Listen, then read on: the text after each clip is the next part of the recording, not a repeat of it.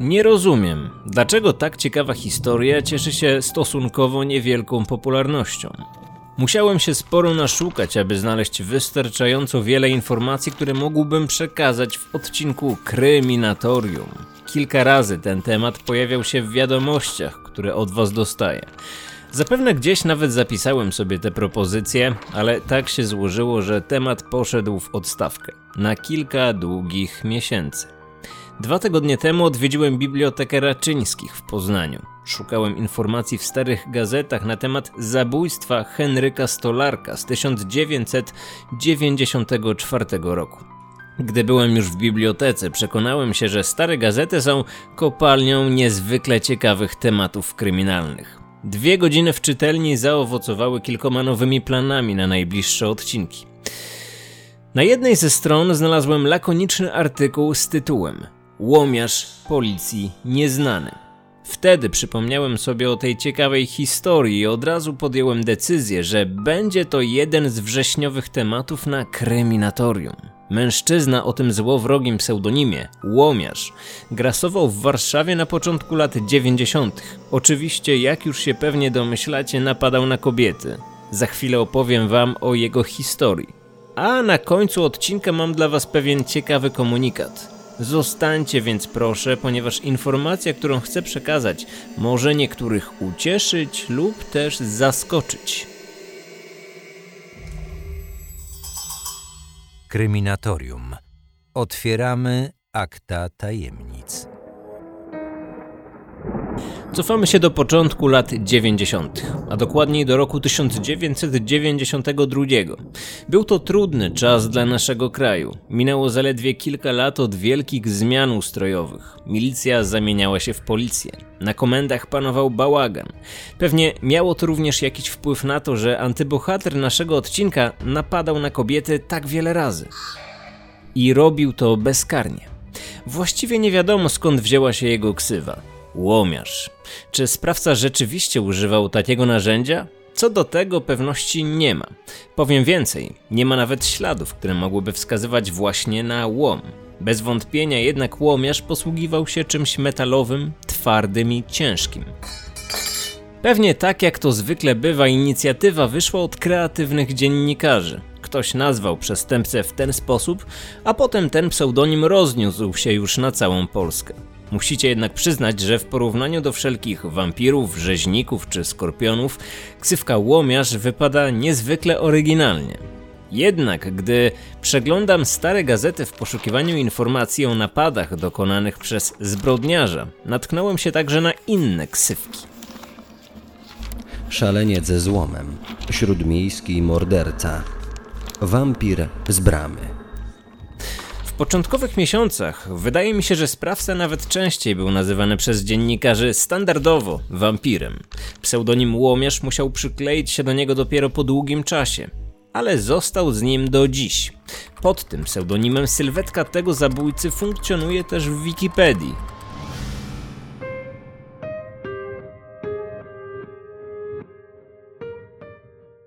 Rok 1992, marzec. Warszawa, ulica Nowowiejska. W późnych godzinach wieczornych nieznany sprawca atakuje starszą kobietę. Uderza w głowę ciężkim narzędziem. Gdy ofiara traci przytomność, zabiera torebkę i ucieka.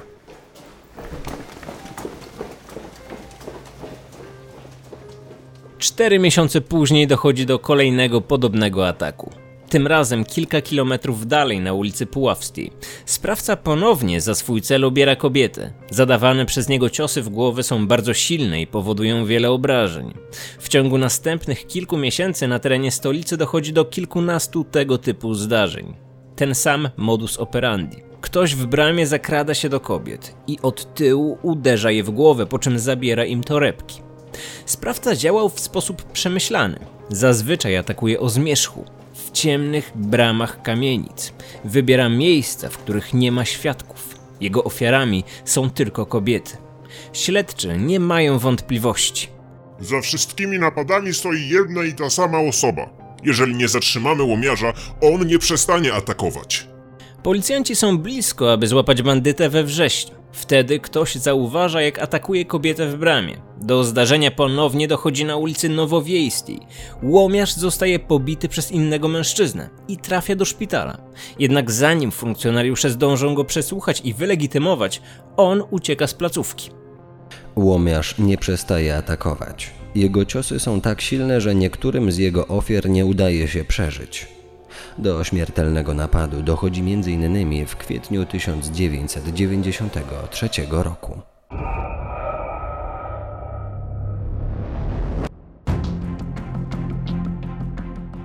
Reporterzy z TVP z programu Celownik 10 lat temu przygotowali reportaż na temat łomiarza. W materiale wypowiadają się kobiety, które przeżyły atak. Lekarze powiedzieli, że centymetr dalej i bym nie przeżyła. Ten centymetr uratował mi życie. Niestety, niektóre z kobiet, które za swój cel obrał łomiarz, nie miały tyle szczęścia. Początkowo policja nie informowała społeczeństwa o działaniach zbrodniarza. Jednak wiadomości o grasującym po okolicy bandycie rozeszły się lotem błyskawicy. Na pewno pamiętacie o psychozie strachu, jaka zapanowała nad Krakowem, gdy po mieście grasował Karol Kot. Kobiety bały się same wychodzić z domu. Strach był tak wielki, że niektóre z nich przyczepiały pod kurtkę na plecy metalowe pokrywki od garnków, aby w ten sposób utrudnić zadanie młodemu nożownikowi, który jak wiemy zadawał ciosy właśnie od tyłu. Czasami łomiarz podczas jednego wieczoru atakował tylko raz, ale zdarzało się, że w ciągu jednego dnia dochodziło do kilku napadów na różnych ulicach Warszawy. Ale mniej więcej w tej samej okolicy. Dziennikarz Andrzej Gaz, który wówczas dla Ekspresu Wieczornego relacjonował sprawę, wspomina tę chwilę w programie Celownik. Ten dzień był jakimś apogeum, jeżeli chodzi o napady na kobiety. Zaczęło się o 15 na ulicy Widok, a później na Mokotowskiej. Na Nowowiejskiej, na Marszałkowskiej jeden za drugim były napady. Karetki i radiowozy na sygnale jeździły właściwie bez przerwy. Chodzi pewnie o dzień 14 czerwca 1993 roku. Zaczął o godzinie 15 na ulicy Widok. Miejsce ataku znajdowało się zaledwie kilkadziesiąt metrów od komisariatu policji. Trzy godziny później kolejny napad. Tym razem na Marszałkowskiej. Pół godziny później znowu. Sytuacja powtórzyła się jeszcze trzykrotnie. Kobiety trafiły do szpitala. Tylko jedna z nich wróciła do domu tego samego dnia. Stan pozostałych oceniano jako tragiczny. Dwie z ofiar zmarły. Zaatakowane kobiety nie były w stanie pomóc policji. Wyszłam na podwórko i nagle poczułam straszny ból głowy. Prawie natychmiast straciłam przytomność i obudziłam się dopiero w szpitalu. Te zdarzenia były później na pierwszych stronach gazet. Udało mi się odszukać takie egzemplarze i dzięki temu wiem o tym, co się wówczas działo. To jedna z relacji kobiet, mieszkanki ulicy Marszałkowskiej, która opowiadała o napadzie dla ekspresu wieczornego. Usłyszeliśmy okropny krzyk. Do kawiarni wleciała rozhisteryzowana kobieta i kazała portierowi dzwonić na pogotowie i policję. Wybiegłam na zewnątrz. Padłam do bramy mojego domu. Zobaczyłam leżącą i skuloną postać. Poznałam naszą sąsiadkę, Ewę S. Była cała we krwi, w morzu krwi. Krew utworzyła wokół niej dużą kałużę, spływała po skrzynkach pocztowych. Pani Ewa nie miała przy sobie torebki, tylko w ręce ściskała jakieś klucze. Prawie natychmiast przyjechało pogotowie i zabrało ją. W Warszawie zapanowała psychoza. Mieszkańcy bali się wychodzić z domu. W jednym z numerów magazynu Detektyw przywołane są wypowiedzi kobiet z tamtych lat. Oto jedna z nich. Czuję się bardzo niebezpiecznie w Warszawie. Wszystkie moje znajome nie wychodzą z domu. Ja, jak przychodzę do domu i jest godzina trzecia, to też już nie wychodzę. Trudno się temu dziwić. Wyobraźcie sobie, drogie panie, sytuację, w której dowiadujecie się, że nieznany sprawca grasuje po waszej okolicy. Zaatakował już kilkanaście kobiet. Niektóre z nich nie żyją, a on wciąż jest nieuchwytny. Codziennie o jego działaniach informują media. To pobudza wyobraźnię. Wszystkie napady miały miejsce na niewielkim obszarze, między dworcem centralnym a dworcem PKS Warszawa Południe. Zazwyczaj do ataków dochodziło na Puławskiej. Kumulacja napadów przypada przy skrzyżowaniu z ulicą Marszałkowską. Sprawca atakował również w niewielkich uliczkach odchodzących od głównej drogi, między innymi na ulicy Widok, Mokotowskiej lub Śniadeckich.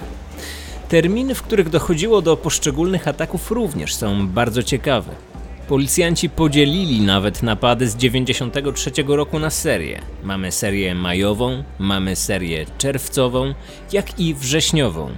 Pomiędzy tymi miesiącami łomiarz nie atakował. Jak myślicie, jaki jest tego powód? Możecie się teraz zastanowić, a za kilka minut wrócimy do tematu i zdradzę wam przyczynę. O śledztwie i o poszukiwaniach przestępcy w ekspresie wieczornym opowiedział prokurator Goszczyński. Najbardziej prawdopodobny opis tego człowieka to zwyrodniały bandyta, który uznał swą metodę działania za jedyną zapewniającą mu możliwość zdobycia pieniędzy i jednocześnie całkowitą bezkarność. Jego ofiary są albo nieprzytomne, albo już nie żyją. Komunikat policji na temat łomiarza doprowadził oczywiście również do wzmożonej aktywności społeczeństwa. Na komisariaty zaczęły zgłaszać się osoby, które chcą pomóc w rozwiązaniu sprawy. Wskazywały podejrzanie zachowujących się mężczyzn. Jak się pewnie domyślacie, wiele z tych donosów okazało się mylnymi tropami, tylko przysporzyło to niepotrzebnej pracy policjantom. Gdy o napadach było głośno, zaczęli pojawiać się też naśladowcy wampira z bramy. 23 czerwca ktoś zaatakował starszą kobietę w bramie przy ulicy Marszałkowskiej. Sposób działania był podobny. Ulica Marszałkowska to przecież rejon, na którym wielokrotnie atakował łomiarz. Sprawca został schwytany. Policja była pewna, że udało się złapać poszukiwanego bandytę, podejrzanego o kilkadziesiąt innych napadów. Jednak był to zupełnie inny człowiek. Cwaniak chciał skorzystać z okazji i dokonać rabunku, który pójdzie na konto warszawskiego zabójcy.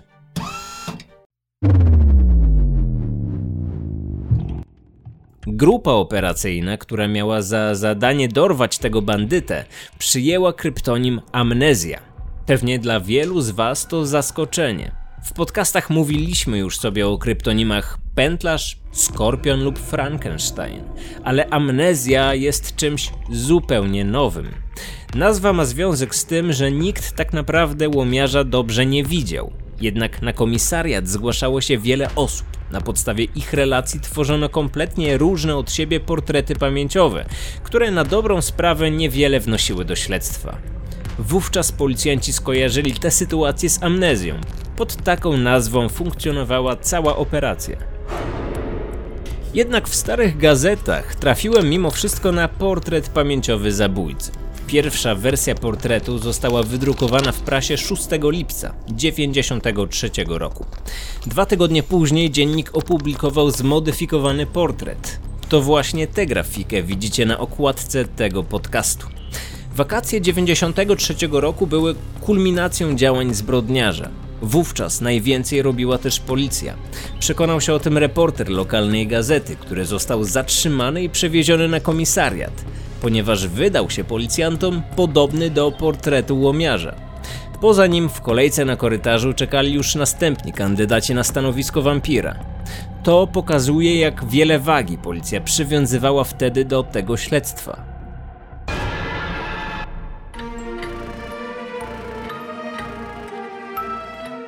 Słynny już wtedy na całą Warszawę i budzący grozę łomiarz zostaje zatrzymany 6 września 1993 roku. Jak słyszeliście przed chwilą, dzienniki na bieżąco relacjonowały kulisy śledztwa i informowały warszawiaków o kolejnych napadach. Tymczasem informacja o zatrzymaniu jest dosyć lakoniczna. Tekst pojawia się co prawda na pierwszej stronie, ale nie zdradza zbyt wielu szczegółów z obławy i z życia zatrzymanego. Podczas przesłuchań policja ustaliła sprawcę poniedziałkowego napadu przy ulicy Puławskiej 33. Świadkowie zajścia bez wahania rozpoznali w nim mężczyznę, który zaatakował kobietę, a następnie rzucił się do ucieczki. Został złapany właściwie na gorącym uczynku. Zaatakował na ulicy Puławskiej. To był już trzeci napad tego dnia. Ofiara wszczęła alarm. Pewien mężczyzna zauważył oddalającego się nieznajomego, który pod ręką trzymał damską torebkę. Zapamiętał go i zgłosił ten fakt na policję. Świadek wsiadł do radiowozu, aby na ulicach Warszawy odszukać bandytę. Wskazał policjantom konkretnego mężczyznę, którym potem okazał się wampir z bramy lub, jak kto woli, łomiarz.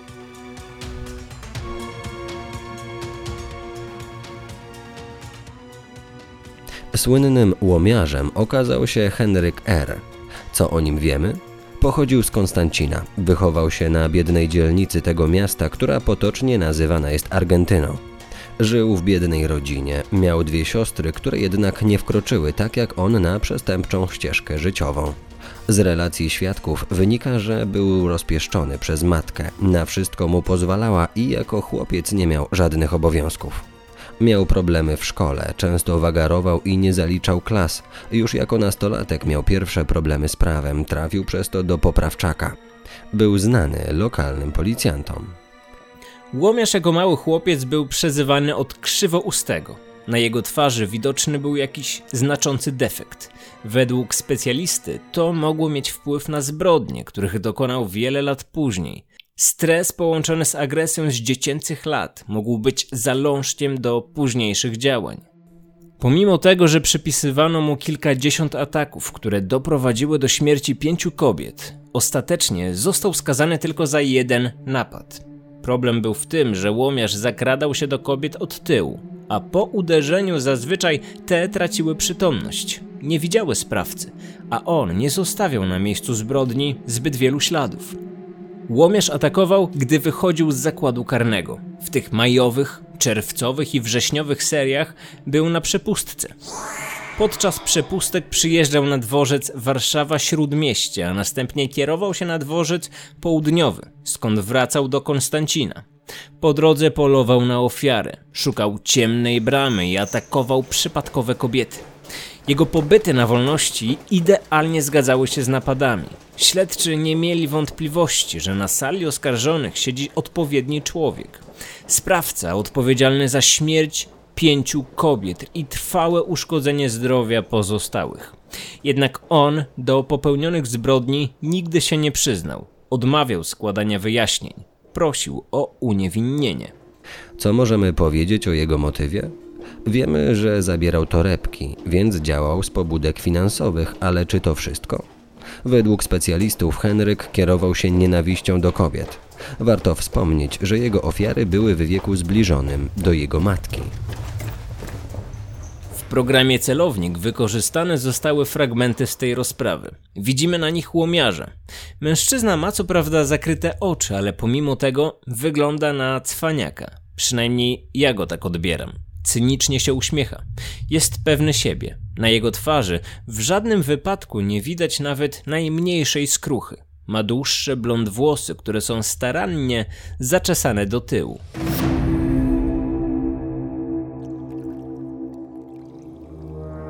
Wyrok.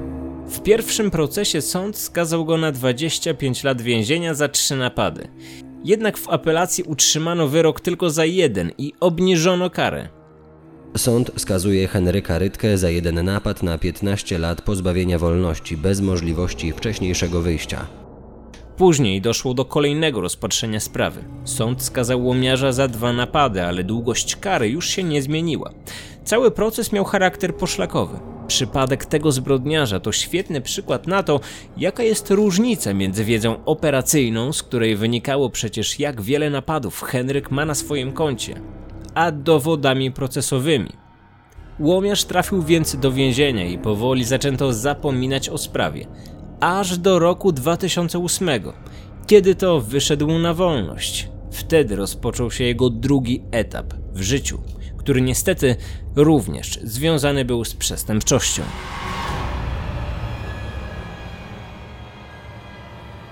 Piętnaście lat później. Przez 15 lat sporo się w Polsce zmieniło.